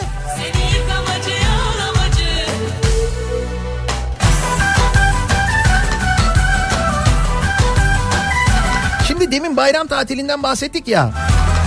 Ya da memleketinize gideceksiniz ya da bu aralar izin kullanacaksınız mesela. İşte örneğin İstanbul'da havalimanına gideceksiniz. Yeni havalimanına gideceksiniz ya da Sabiha Gökçen'e gideceksiniz. Şimdi düşünüyorsunuz nasıl gitsem valizler de var. Taksi epey bir para tutacak. Ne olabilir? Muğlayabilirsiniz işte. Mubay Garanta'dan araç kiralayabilirsiniz. Bunu nasıl yapıyorsunuz? Cep telefonunuzla Mubay Garanta uygulamasını indiriyorsunuz. Üye oluyorsunuz. Size en yakın Mubay Garanta aracını buluyorsunuz. Gidiyorsunuz o aracın yanına. Bu aracı kiraladım diyorsunuz. Seçiyorsunuz. Kapıları açılıyor. Anahtar torpidoda alıyorsunuz çalıştırıyorsunuz. Yakıtına karışmıyorsunuz. Siz yakıt doldurmuyorsunuz yani. Eğer araçta yakıt yoksa bile anlaşmalı istasyondan zaten e, ücretsiz alıyorsunuz. Yakıta bir şey ödemiyorsunuz yani. Sonra mesela bulunduğunuz yerden havalimanına gidiyorsunuz. İster Sabiha Gökçen'e ister Yeni Havalimanı'na. Orada aracı bırakıyorsunuz. İndiğinizde uygulamadan ben indim işim bitti diyorsunuz. Kapılar kilitleniyor bitiyor. Uygulamayı yüklerken e, oraya kaydettiğiniz kredi kartınızdan ücret tahsil ediliyor. Nasıl tahsil ediliyor? Mesela 15 dakikası 7,5 liradan başlayan fiyatlarla tahsil ediliyor. Böyle süreyle de aynı zamanda kiralayabiliyorsunuz. 15 dakikasına 7,5 lira ödüyorsunuz. İşte böyle bir sistem Mobile Garanta. İlk kullanımdan önce bir sözleşme imzalamanız gerekiyor yalnız. Kanuni zorunluluk bu. İşte o sözleşmeyi kolay imzalayasınız diye İstanbul'daki plazalarda Mobile Garanta standları açılıyor. Bugün Veko Giz Plaza'da Mobile Garanta standı Maslak'ta Veko Giz Plaza'da oraya gidip sözleşmeyi imzaladığınızda size bir de hediye var. Bir saatine 1 lira ödeyeceğiniz bir indirim kuponu alıyorsunuz. Bir saat Mobile Garanta'dan araç kiralıyorsunuz 1 lira ödüyorsunuz sadece. İşte bunun için o indirim kuponunu da o sözleşmeyi imzaladığınızda oradan alıyorsunuz. Bugün Veko Giz Plaza'da Mobile Garanta standını ziyaret ederek detaylı bilgi oradan da öğrenebilirsiniz. Özellikle bu seyahatlerde İstanbul'da havalimanına giderken çok ama çok işe yarıyor. Aklınızda olsun.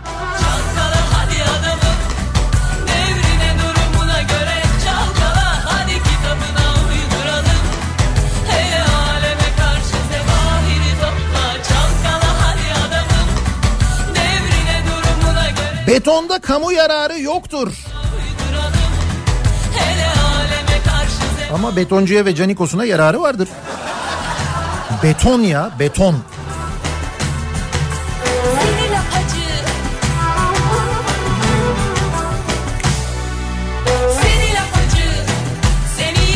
Nelerde kamu yararı vardır nelerde yoktur diye konuşuyoruz.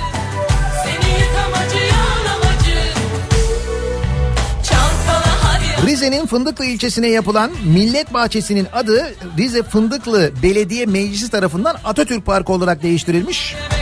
Fındıklı Kaymakamlığı bunda bir kamu yararı yoktur demiş kabul etmemiş bu değişikliği. Nelerde kamu yararı vardır nelerde yoktur diye konuşuyoruz. Reklamlardan sonra yeniden buradayız. Topla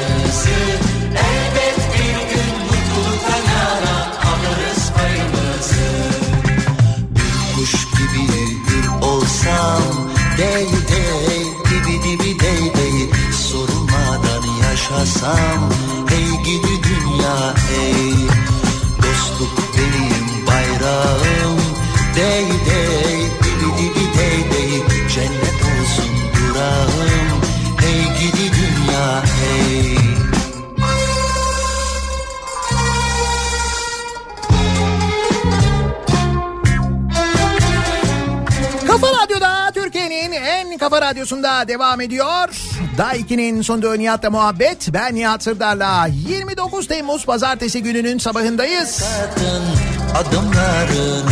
İstanbul'da köprüdeki çalışma, ikinci köprüdeki çalışma bitti. Dün akşam saatlerinde iki yönlü ulaşıma açıldı köprü.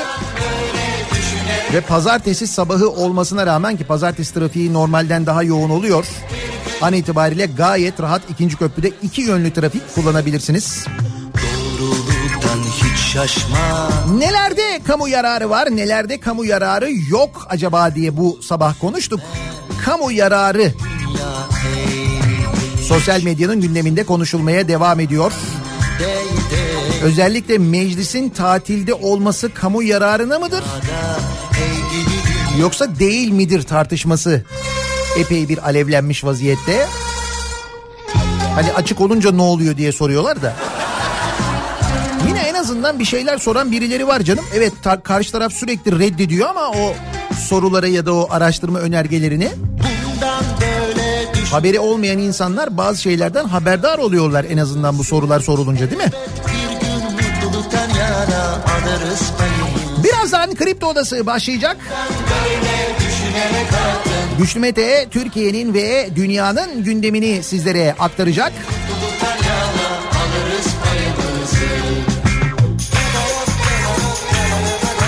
Bu akşam 18 haberlerinden sonra eve dönüş yolunda Sivrisinek'le birlikte ben yeniden bu mikrofondayım. Sizlere eşlik etmek üzere. Tekrar görüşünceye dek güzel bir gün, güzel bir hafta geçirmenizi diliyorum. Hoşçakalın.